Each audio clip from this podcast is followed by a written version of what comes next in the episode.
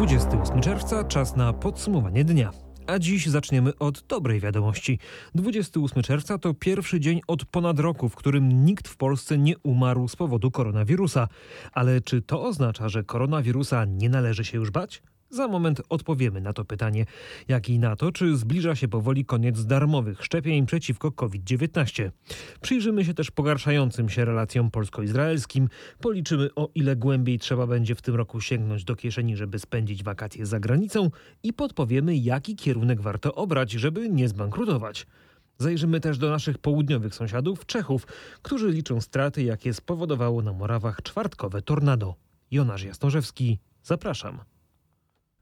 52 nowe przypadki i uwaga, zero zgonów z powodu koronawirusa. Takie dane pokazuje dziś Ministerstwo Zdrowia.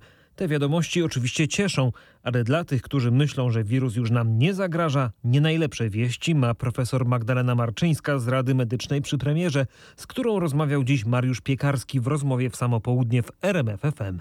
Pani profesor, czwarta fala. Według pani pytanie brzmi, czy będzie, czy kiedy będzie? Myślę, że niestety kiedy będzie i oby nie tak wysoka. A kiedy? Czy Państwo w Radzie Medycznej macie symulację, kiedy wariant Delta może zdominować zakażenia w Polsce i w związku z tym, e, kiedy mogą pojawić się gwałtowne wzrosty tych zakażeń? No, ECDC podaje, że koniec sierpnia to już będzie dominacja wariantu Delta w Europie. Y, myślimy, że po wakacjach rzeczywiście wczesna jesień, no może, może trochę później, podobnie jak w ubiegłym roku. Ochronić przed nią albo przynajmniej złagodzić skutki mogą szczepienia, ale do tych niespecjalnie się garniemy, alarmuje Katarzyna Szymańska-Borginią, powołując się na Europejskie Centrum do Spraw Zapobiegania i Kontroli Chorób. Polska zajmuje dziewiąte miejsce od końca, mając ponad 53% osób dorosłych zaszczepionych pierwszą dawką. Najmniej osób jedną dawką zaszczepiły natomiast Bułgaria 16% i Rumunia 29%. Unijny prymus, czyli Malta, jest niewielkim krajem i od początku była na pierwszym miejscu w rankingu szczepień. Natomiast Belgia wystartowała z opóźnieniem i miała rekordową liczbę zgonów wśród najstarszej populacji podczas pierwszej fali pandemii. Obecnie na przykład we Flandrii Flandrii, w tej najstarszej populacji powyżej 65 roku życia, już zostało zaszczepionych 95% osób, a w niektórych regionach jest to nawet 100%. Belgijski sukces tłumaczony jest m.in. tym, że Belgowie otrzymywali nie otwarte zaproszenia na szczepienie, ale zaproszenie z konkretną datą i godziną. Rząd, żeby zmobilizować nas do szybszego podjęcia decyzji o szczepieniu, być może wprowadzi opłatę za usługę szczepienia. Jest rozważane na pewno nie odpłatne szczepionki, bo to są y, ustalenia unijne. Natomiast można pewnie płacić za wizytę lekarską, za, za usługę. I taki pomysł jest rozważany, czy to może spowoduje, że jeżeli zapowiemy, że od jakiegoś czasu będzie będzie taka informacja, że od któregoś momentu te szczepienia, te usługi będą odpłatne, one nie będą wysoko płatne, ale że będą, może to spowoduje zachęcenie. A od kiedy najczęściej. ta odpłatność za wizytę, za usługę jest możliwa? Pada jakaś data? Nie, znaczy jeżeli orientacyjnie, to raczej późna jesień. Płatna być może będzie także trzecia dawka szczepionki. O takim scenariuszu mówił dziś na konferencji minister zdrowia Adam Niedzielski, a to kto za nią zapłaci sprawdzał Michał Dobromowicz.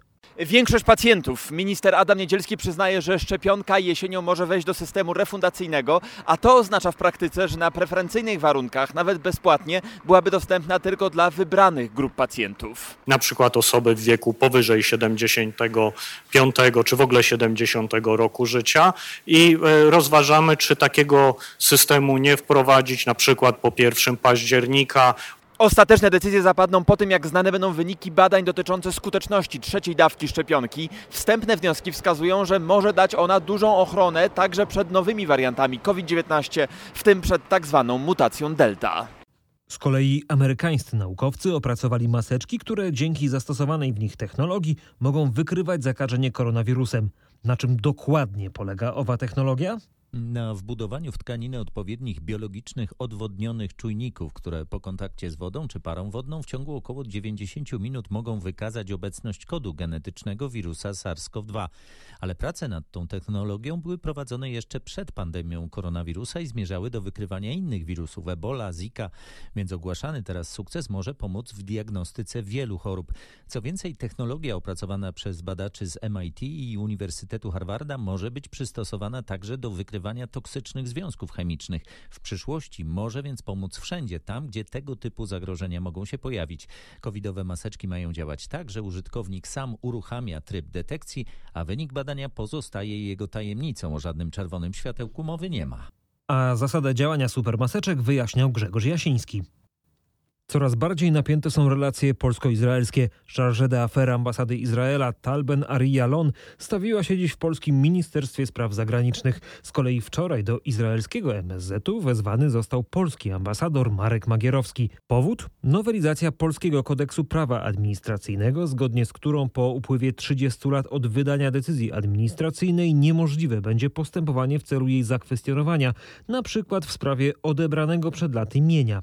Tomasz Skory sprawdzał, co o spotkaniu z izraelską dyplomatką mówił wiceminister spraw zagranicznych Paweł Jabłoński że kierująca tą placówką y, dyplomatka nie otrzymała dotąd żadnych instrukcji, które by zmieniały dotychczasowe stanowisko władz tego kraju. Z kolei minister Jabłoński podkreślił, że i Polska nie zmienia w sprawie kodeksu postępowania administracyjnego zdania, bo przepisy, o które chodzi, nie są wymierzone w kogokolwiek, a więc także i w Żydów, a tylko realizują zasadę pewności prawa, co nakazał Sejmowi Trybunał Konstytucyjny. Wskazywał też na niepotrzebny w tej sprawie wzrost napięcia. Jeżeli politycy izraelscy odwołują się do kwestii nieobecnych w tej ustawie, odwołują się do kwestii Holokaustu, o którym ta ustawa w żadnym stopniu się nie wypowiada. Świadczy to, mam wrażenie, o nieznajomości faktów. Naszym celem jest to, żeby te fakty były znane, dlatego będziemy konsekwentnie o nich mówili. I właśnie dlatego kierująca ambasadą Izraela dyplomatka otrzymała w MSZ zarówno treść przepisów KPA, jak wyrok Trybunału z prośbą o przekazanie ich swoim przełożonym. Minister podkreślił też, że Polska jako suwerenne państwo uchwala prawo zgodnie ze swoją konstytucją i nie ulega naciskom.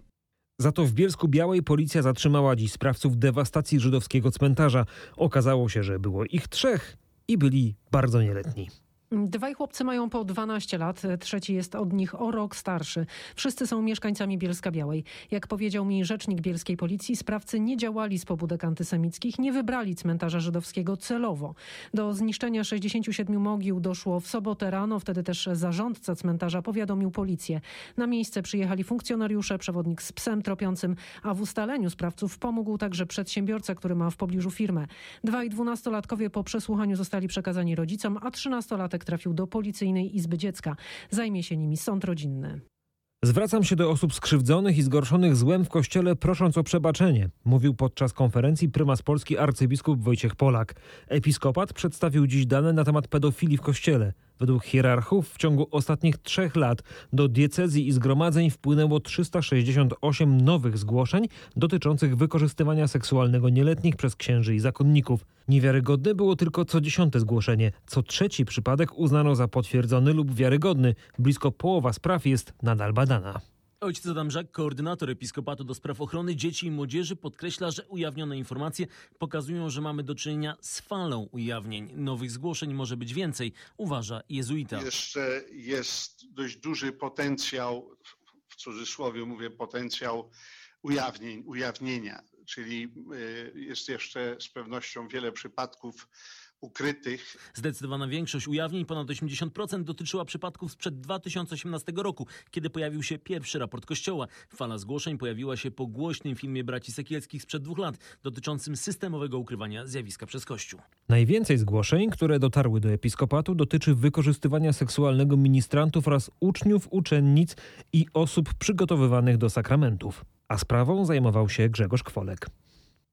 Polska łączy się z Danią, a dokładniej rzecz ujmując, połączy nas gazociąg Baltic Pipe na Morzu Bałtyckim. Włoski statek Castorone rozpoczął układanie rur na dnie Bałtyku. Ile potrwa budowa? Odpowiedź na to pytanie zna Krzysztof Berenda. Potrwa krótko, do końca tego roku, no bo już pod koniec przyszłego Baltic Pipe ma normalnie działać. Dokładna data uruchomienia tego gazociągu to 1 października 2022. Gdy to stanie się faktem, to będziemy mieli zmianę historyczną. Do tej pory Polska brała przecież głównie gaz z Rosji, a mając dostęp do złóż duńskich i norweskich z Rosji będziemy mogli zrezygnować. Nie będziemy już związani z Moskwą tym wieloletnim kontraktem, który przecież często był narzędziem szantażu. W przyszłości będziemy brać z Rosji tylko tyle gazu, ile chcemy, a nie ile musimy. Czyli, mówiąc wprost, w kwestii gazu uniezależnimy się od Rosji. Baltic Pipe będzie miał 275 km długości, układają go trzy statki. Castorone to jeden z największych specjalistycznych statków tego typu na świecie, Castoro Sei oraz Castoro 10. Równo 65 lat temu, 28 czerwca 1956 roku, robotnicy poznańskich zakładów metalowych, dziś imienia Hipolita Cegielskiego, a wówczas Józefa Stalina, zbuntowali się przeciwko narzucanym przez władze wyśrubowanym planom gospodarczym i niskim wynagrodzeniom. O tym, jak rozpoczął się strajk, w rocznicę przypomniał Mateusz Chłystun. Punktualnie o 6 w zakładach Cegielskiego wybrzmiała syrena dając sygnał do rozpoczęcia strajku. Robotnicy przerwali wtedy pracę, a krótko później wymaszerowali na ulice miasta. Protestujący przeszli przed budynek prezydium Miejskiej Rady Narodowej oraz później po wydaniu komunikatu o aresztowaniu delegatów, którzy mieli negocjować z władzą, także przed więzienie, dokonując szturmu na budynek. Krwawe zamieszki wybuchły też na Jeżycach przed siedzibą ówczesnego Urzędu Bezpieczeństwa.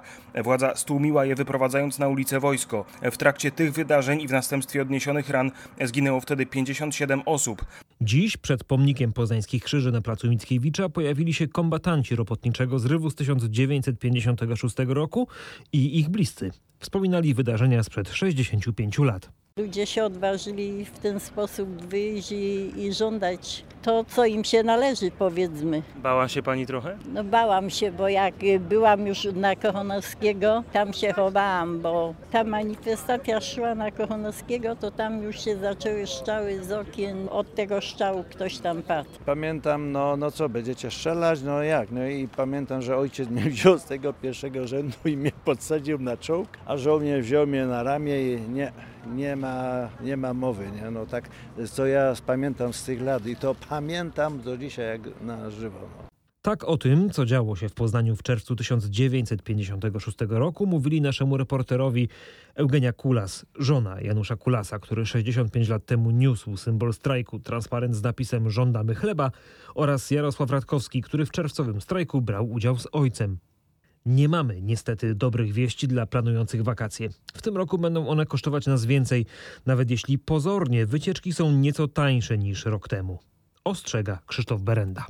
Jeżeli chodzi o zagranicę, to ceny w biurach podróży nieznacznie spadły, mniej więcej w stosunku do zeszłego roku o 1%. No i to nie dziwi, bo turoperatorzy chcą przyciągnąć jak najwięcej klientów, żeby odrobić te pandemiczne straty. Z drugiej strony każdy, kto pojedzie za granicę, musi liczyć się z wyższymi cenami na miejscu, co po pierwsze wynika z powszechnej inflacji, a po drugie z drożejących walut. Jeśli ktoś liczy na to, że przechytrzy system, wybierając turystykę krajową, niestety przeliczy się. Ta krajowa turystyka zorganizowana wyraźnie nam podrożała w ciągu roku średnio o 5,6%.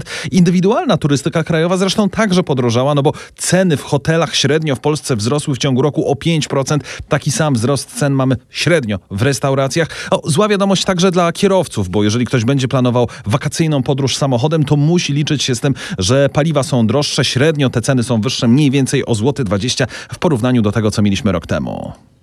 Wyjściem z tej patowej sytuacji może być wybór określonych kierunków. Jeżeli ktoś postawi na Bałkany, albo na Bułgarię, albo Rumunię, to tam trafi na ceny w wysokości mniej więcej połowy unijnej średniej, czyli jest tanio, chociaż oczywiście trzeba tam jeszcze dojechać lub dolecieć. Polska cenowo jest mniej więcej na tym poziomie co Chorwacja, Litwa i Portugalia, czyli to jest poziom 75% unijnej średniej. Nieco ponad nami są zbliżone do siebie cenowo Hiszpania, Łotwa i Estonia. Mm, Włochy, Niemcy i Wielka Brytania to jest europejska średnia. Najdrożej natomiast jest, i to chyba nie dziwi, w Skandynawii, we Francji, Francji i w Szwajcarii. Tam ceny średnio są dwa razy wyższe niż u nas w Polsce. A jeżeli ktoś postawi na Zakopane, to na drodze do Morskiego Oka może natknąć się na nietypowy pojazd. Wóz z dodatkowym napędem elektrycznym, który ma wspomóc w pracy konie wożące turystów. Od lat organizacje prozwierzęce alarmują, że zwierzęta są przeciążone. Być może z pomocą przyjdzie im technika. O rozwiązaniu, które ma przynieść zwierzętom ulgę, naszemu reporterowi Maciejowi Pałachickiemu opowiadali Zbigniew Kowalski z Parku Narodowego, Stanisław Chowaniec, prezes Fiakrów i dyrektor TPN Szymon Ziobrowski. Bo idzie to automatycznie. Jeżeli jest ponad normę, to idzie wspomaganie ze strony silnika. Jeżeli jest jazda w dół, to wtedy jest doładowywanie. Działa podobnie jak rower ze wspomaganiem elektrycznym. Także musi być rowerzysta, żeby rower jechał. I tak samo tutaj w tym wozie tak samo. Muszą być konie, żeby wóz jechał. Chcemy przez ten czas sprawdzić, jak te wszystkie mechanizmy, jak to wspomaganie będzie się zachowywać. Jeżeli będzie się dobrze sprawował w tym sezonie, no to podejmiemy jesienią decyzję o produkcji kolejnych takich wozów. No pewnie, że trzeba wspomagać. No po taką górę wyjechać taki koń też, mimo tego, że jest koń, jest silny, to musi dać radę i jest mu łatwiej. A ta ostatnia recenzja należała już do turystki, która wybrała się do Zakopanego. W Zakopanem zresztą można było spotkać dziś wielu turystów, stąd inni z obawy właśnie przed tłumami w Tatrach wybierali inne szlaki, na przykład Jury Krakowsko-Częstochowskiej. Tam, oprócz jaskiń, mogli spotkać dziś naszego reportera, Marcina Buczka. Na górę zborów to będzie marsz. Państwo widzę, jesteście przygotowani. Buty, kije. Tak, no staramy się tak mieć pod ręką takie akcesoria turystyczne. Pogoda będzie Wam dzisiaj raczej sprzyjać. A dzisiaj nie ma upału, ładnie jest. Po długiej przerwie teraz odwiedzamy znowu te tereny. Przyjechaliście na Jurę, bo? E, chcieliśmy zrobić jakiś taki krótki, jednodniowy wypad e, poza miasto, a wiemy, że Jura jest piękna. Tatry też są piękne, ale zatłoczone. Tu jest e, dużo mniej ludzi. A w tym roku ponad połowa Polaków nie planuje wakacyjnych wojaży. Tak przynajmniej wynika z badania United Survey dla Dziennika Gazety Prawnej i RMFFM. Co trzeci ankietowany urlop spędzi w kraju, a co dziesiąty za granicą. A na jaką pogodę mogą liczyć ci, którzy urlop spędzą w Polsce? Lipiec według naszych analityków będzie z temperaturą w normie, a opady no przeważnie też w normie, nieco może bardziej sucho na południu kraju. Natomiast jeżeli chodzi o sierpień, no to tutaj chyba mam dobrą informację dla tych, którzy są bardzo ciepłolubni, ponieważ południowa część, zachodnia i częściowo północna, tutaj mają być wartości na termometrach powyżej normy dla tych terenów. Więc z jednej strony będzie nieco cieplej, nieco mniej opadów, a z drugiej strony będzie to fantastyczny czas chyba taki wakacyjny. Tak mówił naszej reporterce Magdalenie Greinert Grzegorz Walijewski z IMGW. O wakacjach na pewno nie myślą za to mieszkańcy czeskich Mora, w którym tornado zniszczyło dorobek życia. Sześć osób nie żyje, 1200 budynków jest całkowicie zniszczonych lub uszkodzonych. To bilans czwartkowych wydarzeń. W szpitalach wciąż znajdują się 23 osoby ranne podczas przejścia czwartkowego tornada. Czworo z nich ma poważne obrażenia, ale ich stan jest stabilny. Niestety nie udało się uratować dwójpółletniej dziewczynki, która doznała poważnych obrażeń podczas burzy. To ona jest szóstą ofiarą niszczycielskiej trąby powietrznej. Do szpitala trafiło kolejnych 46 pacjentów, którzy zostali ranni podczas naprawiania szkód. Wśród nich są osoby, które spadły z dachu czy przebiły stopę gwoździem. Są także wolontariusze, którzy przecenili swoje siły. Na miejscu wciąż pracuje czeski nadzór budowlany. Już wiadomo, że blisko 70 budynków nie będzie nadawało się do zamieszkania i będą musiały być wyburzone. A sytuację u naszych południowych sąsiadów monitoruje Maciej Pałachicki. Fatalne wieści płyną też ze świata polskiego sportu. Jeszcze nie zdążyliśmy się dobrze otrząsnąć z odpadnięcia polskich piłkarzy z Mistrzostw Europy, a tu kolejna zła wiadomość. Adam Kszczot nie jedzie na Igrzyska Olimpijskie. Utytułowany biegacz na dystansie 800 metrów był jedną z naszych nadziei na medal w Tokio. Dlaczego tak się stało? O tym Paweł Pawłowski.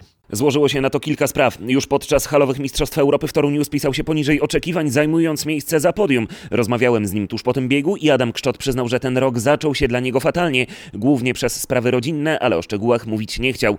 Później zawodnik wyjechał do Kenii, gdzie ciężko trenował, ale jak napisał w mediach społecznościowych, organizm po powrocie do kraju odmówił posłuszeństwa. Kszczot nie stawił się nawet na weekendowych Mistrzostwach Polski, czym wywołał lekkie zdenerwowanie w lekkoatletycznej federacji. Kszczot jest trzykrotnym mistrzem Europy w biegu na 800 metrów i dwukrotnym wicemistrzem świata na tym dystansie. Medalu na igrzyskach nie zdobył, dwukrotnie w Londynie i w Rio docierał do półfinału. O bilety do Tokio walczą za to koszykarze. Już jutro rozpoczyna się turniej, którego zwycięzca pojedzie na Igrzyska Olimpijskie. Pierwszym rywalem biało-czerwonych będzie Angola. Myślę, że będziemy się skupiać na każdym kolejnym meczu, nie będziemy patrzeć na to, że drugi mecz jest ze Słowenią, to ok, no to z Angolą wygramy pierwszy mecz i potem większy fokus będzie na Słowenię. Tak to nie działa. Wygrywając z Angolą, przegrywając ze Słowenią, zmniejsza się ta szansa na to, żeby pojechać do Tokio, bo potem krzyżujemy się z drugą grupą, gdzie jest Litwa, która jest bardzo mocna, więc najpierw skupimy się na Angolii. Musimy mieć pełny fokus na tą drużynę i po Angolii dopiero będziemy myśleć o Słowenii. Mówił zawodnik Trefla Sopot Łukasz Kolenda. Mecz z Angolą jutro o 15.30, a ze Słowenią w czwartek. I to już wszystko w dzisiejszym podsumowaniu dnia. Jonasz Jasnorzewski, dziękuję za uwagę i do usłyszenia.